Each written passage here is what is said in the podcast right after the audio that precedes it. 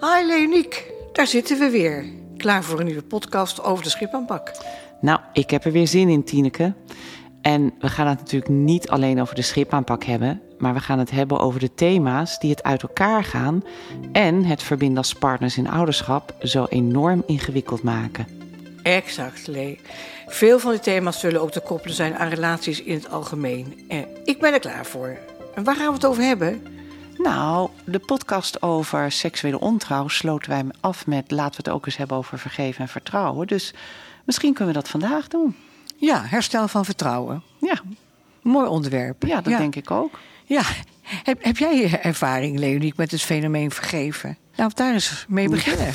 Nou, heb je even een paar uur? nou, eh, eh, brand los zou ik zeggen. Nou ja, ik, kijk, ik vind, wat is vergeven? Ik vind vergeven een moeilijk thema hoor. Want, want ja, wat is vergeven voor de een betekent vergeven iets heel anders dan voor de ander. We maken er ook zo'n woord van waarvan we denken dat iedereen weet waar je het over hebt. Maar ik denk voor mij betekent vergeven ehm, weten dat je het verleden niet meer kunt veranderen en dat dat is waar je het mee hebt te doen. En ja, daar heb ik zeker ervaring mee. Om dat dan ook daar te kunnen laten waar het is, namelijk in het verleden.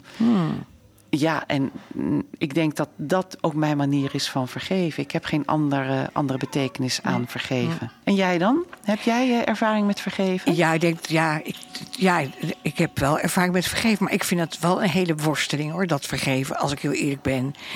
Herstel van vertrouwen vind ik wat minder ingewikkeld. Nou, w- w- waar zit die worsteling dan in bij jou? Nou ja, kijk, als ik, als ik iemand wil vergeven. Kijk, verge- om vergeving vragen vind ik niet zo moeilijk. Want dan neem ik verantwoordelijkheid voor datgene wat ik heb gedaan. En daar heb ik geen enkele moeite mee. Ja, ik doe liever wat anders. Maar eh, ja, ik vind dat wel. eh, dat, dat, dat, dat ligt dichter, zit dichter bij mij.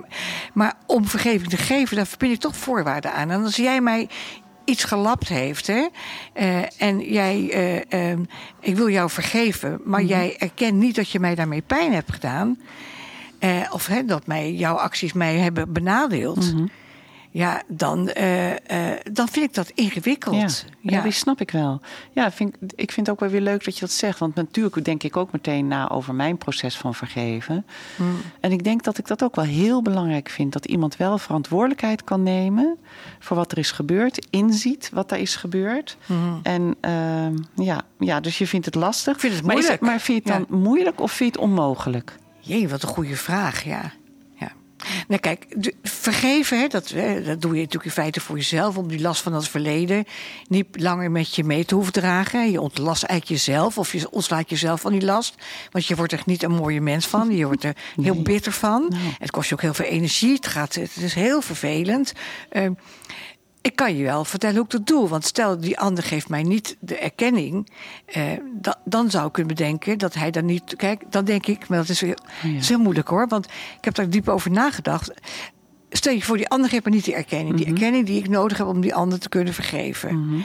Omdat hij daar nu- niet toe in staat is, om welke reden ook. Hè? Terwijl het in ons gesprek evident is dat hier iets helemaal niet goed is gegaan aan zijn of haar kant. Maar hij kan, hij kan iets niet. Nou, voor, voor heel veel mensen is het zo ontzettend moeilijk om verantwoordelijkheid te nemen voor het gedrag. Dat ik me realiseer, en misschien zelfs kan accepteren, dat wat er is gebeurd meer over de ander dan over mij gaat. En niet op mij persoonlijk is gericht. Oh ja. Dan zou ik het kunnen vergeten. Maar ja, ja, je zegt vergeet, dan zou ik het kunnen vergeten. Of bedoel je, dan zou ik het kunnen vergeven? dan zou ik het kunnen vergeven. Dan Oh, zou ik ja. denken, die ander kan iets niet. En dan kan ik wel heel lang eh, hopen dat die erkenning komt voor, voor datgene wat hij mij heeft aangedaan. Maar dan kan ik wachten tot Sint-Jutemus en dan, dan blijf ik alsmaar met die woede zitten. Dus ik ga die ander vergeven. eh, omdat ik accepteer dat hij, hij of zij iets niet kan. Ja, ik moet meteen denken aan een stel wat ik heb waarbij dat inderdaad zo gaat. Die vind ik ook wel ingewikkeld, want ei- eigenlijk pathologiseer je Ja. dus ook die ander daarmee. Want je zegt dus ja. ook, ja, jij kan dat niet. Terwijl als ik denk aan dat stel in mijn praktijk, hij kan dat wel degelijk, alleen hij krijgt van haar de kans niet. Dus ja, ik vind hem wel lastig als je er zo tegenaan kijkt. Ja, ik snap het. Ik worstel er ook mee. Want eigenlijk heb ik een oordeel. Ik maak iemand eigenlijk een beetje klein. Door Ja. te zeggen van ja, kijk kneus, jij kan dat niet. Ja, kijk. En dus ik, eh, ik, eh, ik ben daar, uh, ik maak een genereus gebaar naar jou. Uh, je mag weer meedoen met mij. Ja. Hè? Dat wil ik helemaal niet. Maar hoe dat dan wel moet, daar kom ik niet uit. Nee, ik vind, ik denk ook meteen terwijl je dat zo ziet te zeggen, ik denk dat is ook zo de essentie van ons werk. Hè? Dat, dat, dat je, dat je daar een, een, eigenlijk een buitenstaander bij nodig hebt. Ik denk dus aan dat stel, daarom kom ik erop. Mhm. Hij heeft eigenlijk mij nodig om de ruimte te creëren om haar een soort van stil te houden, zodat hij wel kan komen op dat punt. Want iedere keer als hij een poging deed, dan zwiepte zij dat van de tafel af. En dat, eh, nou ja, dat klopte toch allemaal niet. En hij nam geen. Dus hij kreeg van alles te horen en hij werd steeds onzekerder. En hij dacht, ik kan het gewoon nooit goed doen. En ik denk juist ook door de gesprekken die wij dan in de Mm. kamer hebben, dat iemand wel tot dat punt komt. En, wat ik ook heel belangrijk vind, dat ik die weer kan vertalen naar in dit geval die vrouw. Omdat zij, kijk, vaak willen mensen maar bij hele bepaalde woorden horen. Hè? Dan willen ze horen ik had dat zo niet mogen doen. Maar als iemand zegt, ja, dat heb ik niet zo mooi gedaan, dan kan iemand soms wel eens niet horen wat er werkelijk wordt gezegd. En daar hebben ze ons ook voor nodig, toch? Nou ja, ik heb wel eens dat ik zeg van, uh, uh, dan maakt iemand uh, een dat gebaar. Die zegt, ik heb erover nagedacht. Ik had laatst ook iemand, zo'n man die eindelijk was hij zo ver. Een mooi moment in, in, in de behandelkamer. Uh, ik heb erover nagedacht en ik heb altijd wel gedacht ik, uh, uh, dat, het, dat ik het recht had om dat te doen. Maar ik heb daarmee wel jou, jou, jouw leven overhoop gehad. En die, die, zijn ex-partner die, die schoof helemaal naar voren op ja. de stoel. Ja, en ik, ik dacht, mooi. oh wat mooi. En toen zei hij, maar ja, oh. of je dat zult begrijpen. Ja. En meteen zat zij weer achterover. En, ja. en was alles wat aan, aan, aan moois was gebeurd, werd er niet gedaan. En toen kon ik hem, gelukkig, uh, ik zeg, zou het nog een keer kunnen zeggen? En zou je dan de mitsen en maren uh, achterwege kunnen ja. laten? En ja. kan jij dat aan? Mag, uh, sta jij daarvoor open? Ja. En dat kon zij. Was, en toen kwam het toch nog op zijn plek terecht. Hè? Maar dat, en ga jezelf maar na. Als je iets hebt gedaan ja. waar je niet echt heel trots op bent, hè, dan wil je toch ook wel een beetje uh, verklaren waarom het. Uh, het was wel niet zo, zo fris wat ik deed. Ja. Maar, ja, ja, precies. Nou ja. en dan komt hij al niet meer aan. Hè? Komt, en daarom, daar werken wij natuurlijk ook wat hard aan in de praktijk, dat mensen dat niet op die manier doen. Maar Mm. het is zo, en ik weet zeker, de mensen die hier naar luisteren, die denken nu ook bij zichzelf: oh, ja, hoe doe ik dat? Het is net als naar je kinderen. Sorry hoor dat ik schreeuwde tegen je, maar ja, je was ook zo vervelend. Ja, dan haal je eigenlijk al het hele excuus onderuit. Ja. Hè? Ja. En het kan best zijn dat in een later stadium je daar wel wat over kunt zeggen. zeker. Maar eh, in het begin moet je daarmee, moet je daarmee stoppen. Ja. Nou we zeggen toch altijd, als je het woordje maar gebruikt, dan is eigenlijk alles wat je daarvoor hebt gezegd al niet meer waar. Nee. En hoe fijn is het als iemand dat zonder mits en maren tegen jou kan zeggen. Ja, precies. Dat, het is maar één zin, maar hoe moeilijk eh, is dat om die gewoon zonder die mits en maren te kunnen formuleren? Maar zou je daar dan ook meteen het, het, het vertrouwen mee kunnen herstellen, denk je? Nou ja, daar, daar, daar hebben we het nog niet over gehad. Maar het herstel van vertrouwen, is, hè, natuurlijk de laatste fase van die schippenpak... dat is, blijkt ook geen eenvoudige zaak te zijn. Hè? Want wij zeggen altijd, vertrouwen komt te voet en gaat te paard. Absoluut. En uit onderzoek is gebleken dat gezonde vertrouwen in de relatie... zich voortzet na de scheiding. Ja, absoluut. Hè, dat Ja. is, eh, Tuurlijk, je en dat- vertrouwt iemand helemaal niet Nee, meer. waarom zou je die Nee. ander vertrouwen na die scheiding... terwijl die tijdens je relatie zo belazerd heeft? Ja, want, want als je jouw ex hè, dat, dat, dat dan iets hoort zeggen, dan denk je, ja, maar ja, toen, toen zei je ook al iets wat niet klopte. En hoezo moet ik je dan nu wel vertrouwen? Ja. En, en ja, nou, gelukkig leidt natuurlijk niet alle seksuele ontrouw tot een echtscheiding. En sterker nog, ik denk als beiden hun eigen aandeel in het ontstaan van de relatiecrisis kunnen erkennen. En daar verantwoording voor kunnen nemen, kan de relatie er wel veel sterker uitkomen. Ja. Maar of dat nou meteen tot vertrouwen leidt, dat weet ik niet hoor. Ja. We zien dat toch dat dat vaak zo lastig is. Ja, ja, nou ja, ik, ik, ik zou bijna zeggen, kun je dat nog eens een keertje uitleggen in deze podcast, wat wij, hoe wij dat in de praktijk zien? Nou ja, kijk, wij, ze- wij zeggen natuurlijk altijd wel: als, als jij wil ehm, dat je iemand weer gaat vertrouwen, begin ook eens bij jezelf. Wat kun jij doen om ervoor te zorgen dat die ander jou weer gaat vertrouwen? Want die hele relatie is natuurlijk een interactie tussen twee mensen. Ja, ik weet het, ik trap een open deur in.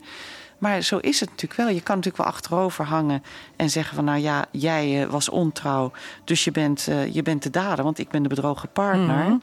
Maar zelf heb je ook een aandeel gehad. En wat kan jij dan doen? Want als je als dader dat vertrouwen moet herstellen, dat is helemaal geen fijne positie. Nee, nee, nee, en ervan uitgaan Je dat hebt helemaal geen positie je hebt eigenlijk. helemaal geen positie. En bovendien, ja, jeetje. Hij wil misschien wel ver- verantwoording nemen, maar dat moet hij misschien wel tot in de lengte vandaag doen. Ja, en dan precies. En hoe lang mag die bedrogen partner het, het- hem voor de voeten gooien? Hè? Het is ook een soort verslavend gevoel Ja. van macht. Hè? Ja. Dat jij kunt bepalen hoe lang je partner op het strafbankje moet blijven zitten. En moet boeten, enzovoort, enzovoort. Daar is natuurlijk een grens aan. Nou ja, en tegelijkertijd dat hij op dat bankje blijft zitten. Dat zou dan mij, als het, als het om mij zou gaan, ik zou iemand weer moeten gaan vertrouwen. Zou dat ook mij weg kunnen houden. Dus het is ook bijna een soort comfortzone. Want ik hoef dan niet naar dat hele moeilijke te gaan, namelijk mij overgeven aan het vertrouwen. Weet je, wel, en ik denk altijd, als we ervan uitgaan dat je samen verantwoordelijk bent voor de relatie, dan, ja, dan, dan zal je daar dus zelf ook een stap in moeten nemen. En ik, ik denk, zeg ook altijd tegen mensen: luister, waar het vooral om gaat, is dat jij jezelf kunt vertrouwen. Dat jij weet dat als er weer iets gebeurt, dat je het aan kan. En dan wordt vertrouwen alweer, ik zou hè, tussen quotes, makkelijker. Ja, ja. Want ja, je weet nooit wat een ander gaat doen. Je weet het nooit. En, en toch moet je daarvoor open gaan staan. Ja. Ja. Ik denk opeens aan die opdracht hè, die wij geven in fase 5, hè, ter voorbereiding. Oh ja. Een, een van de laatste sessies. Hè. We zijn natuurlijk heel erg gewend om te zeggen van ga jij maar eens bewijzen dat je weer te vertrouwen bent. Hè. Ja. En dan ga ik wel bepalen wanneer dat eh, moment daar is. Hè. Wij zeggen. eh, ehm, wij, wij geven de opdracht mee. Wat kun jij eraan doen om te zorgen dat die ander weer jou weer gaat vertrouwen? En dan van twee kanten. Hè? Maar dat kan pas eerst, dat kan pas plaatsvinden als je eerst de dynamiek van die relatie met de stofkam hebt blootgelegd. Want dan zie je de, de, de, ja, dan zie je de dynamiek en de patronen. En dan, Ja. dan eh, eh, zie je eh, waar de verschillende verantwoordelijkheden liggen. Oh ja, weet je, en ik hoor onze luisteraars Ja, wel denken. ja, ik heb hem ook al. Maar, ja, precies. Maar ja, er is toch zeker wel even een verschil tussen degene die ontrouw is geweest en die niet. Ja. Het, en, en degene die schuldig is tussen aanhalingstekens. Ja, toch? Zo gaat het toch? Ja, ja. natuurlijk. Ik zeg altijd dat het een beetje flauw Maar ik zeg, ik vind dat de ontrouwe partner wel iets meer werk te heeft te verrichten dan de bedrogen partner. En die moet ook verduren dat die bedrogen partner eh, ze nu dan toch nog met alle, alle goede wil van dien getriggerd wordt en weer opeens zo ontzettend boos kan zijn. Hè. Hè. Het, is, het is niet allemaal zo eenvoudig. Maar eh, als mensen heel erg gemotiveerd zijn om het bij te leggen en verder te gaan met elkaar, toch? Nou ja, het lastige is natuurlijk ook dat die bedrogen partner, die schaamt zich ook. Tenminste, dat is wel, ik heb nog nooit iemand in mijn praktijk horen zeggen, nee hoor, daar schaam ik me helemaal. Klopt. Ze schamen de ogen uit hun hoofd. Ja. En dan word je dus nog in die tijd daarna, en soms kan het echt jaren zijn, iedere keer daarmee geconfronteerd. En dan weet je zelf ook niet meer, wat kun jij nou doen om ervoor te zorgen dat dat een keer stopt. Weet je, en dan komen we toch weer op dat vergeven uit. Hè? Want ik Ja. denk uiteindelijk geeft het gevoel van vergeving. Stel je voor, je bent vreemd gegaan en je partner zegt: Ik vergeef je. Dan, dan denk je: Oké, en nu hebben we het gehad. Dat, dus ik, ik denk altijd: ja, zou vergeven en vertrouwen. Heeft dat nou veel met elkaar te maken? Wat, wat denk jij? Vind je, vind je dat je eerst moet kunnen Nee. vertrouwen? Nee. Dat je moet ik vergeven? heb dat heel of- lang gedacht. Eh, eh, eh, ehm, op, kijk, op de langere termijn is dat natuurlijk wel noodzakelijk. Hè? Dat, dat je gaat ook. Hè, je kunt ervoor kiezen om iemand weer te vertrouwen, zeg ik. Dat is een keuze. Oh ja, zeker. Hey. Fake it till you make it, zeg ik ook wel eens. Precies. Ja. En dan komt het gevoel, eh, v- eh, volgt daar logischerwijs ook op.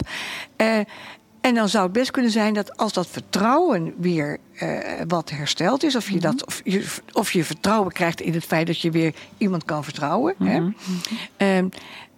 Eh, dat dan op den duur, hè, als er heel veel goeds weer gebeurt, iets wat, wat helend is, eh, je ziet je partner doet zijn best voor je, die, gaat eh, proberen het je naar de zin te maken, of die gaat proberen meer tijd aan je te besteden. En nou, je gaat er alles aan doen. Ik is een beetje fout, geformuleerd. Want, maar je weet wat ik begrijp wat ik bedoel. Dat er zoveel weer goeds daarna gebeurt in die interactie dat vanzelfsprekend is dat je vergeven, eh, dat je ook gaat vergeven.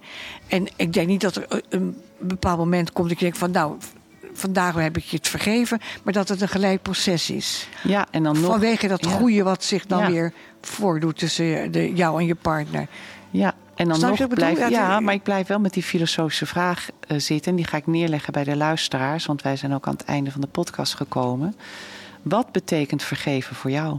Want dat is natuurlijk voor iedereen weer wat anders. Hmm. Ja, dus daar ben ik weer beginnen. Ja, terug de- bij het begin. Precies, zijn we weer terug bij het begin. Nee, dat- maar dat is wel een, dat is echt een filosofische vraag. Ja, ja. Die kan je alleen maar zelf invullen. En dat is misschien, kijk, wij zijn hier natuurlijk ook echt, nou ja, jij, hè, met wij natuurlijk in onze eigen ervaringen ook. Maar zeker door die schipaanpak zijn we daar nog meer over na gaan denken. Het is zo makkelijk om te zeggen, je moet hem of haar vergeven. Maar het is maar de vraag, wat is het? Wat betekent het voor jou? Ja, nou ja, Wanneer kun je verder? Ja. En misschien is het zelfs wel zo, maar dat is geen. dat je jezelf ook kunt vergeven als je iets niet kunt vergeven. Ja. Want anders wordt mooi. het zo ontzettend normatief. Dat, Ja. Dan ben je ook nog Ja. eerst is je iets verschrikkelijks aangedaan. en dan kun je ook nog niet de, de, de, eh, de ander vergeven. Dan heb je ook heb je twee problemen. Mensen hebben ook vaak een tussenweg. En dan zeggen ze, nou, ik heb het hem vergeven, maar vergeten, Vergeten doe, ik niet. Ja, ja. Ja. nou ja, dus nogmaals, wat betekent vergeven voor jou? Schenk een lekker glas in. Nou, natuurlijk een sapje, dat begrijp je, want we houden het allemaal gezond. En denk daar eens over na, beste luisteraar. Nou, we zijn er een beetje uit volgens mij. Ik denk Uiteindelijk. Ik denk dat we aan, Eind goed, aan al glas goed. gaan. Eind goed, al goed, Lee. Nou, leuk weer. Ja, Tot doei. de volgende keer. Tot de volgende keer. Dit was het voor vandaag. Volgende keer nemen we weer een ander thema onder de loep. Wil je in de tussentijd meer weten? Kijk dan op de website schipaanpak.com. Voor nu willen we je hartelijk bedanken voor het luisteren. Oké, tot de volgende keer. Deze podcast kwam tot stand met Tineke Rodeburg en Leoniek van der Marel, ontwikkelaars van de Schipaanpak, en Kiki Stordio, die heeft gezorgd voor de regie en de muziek.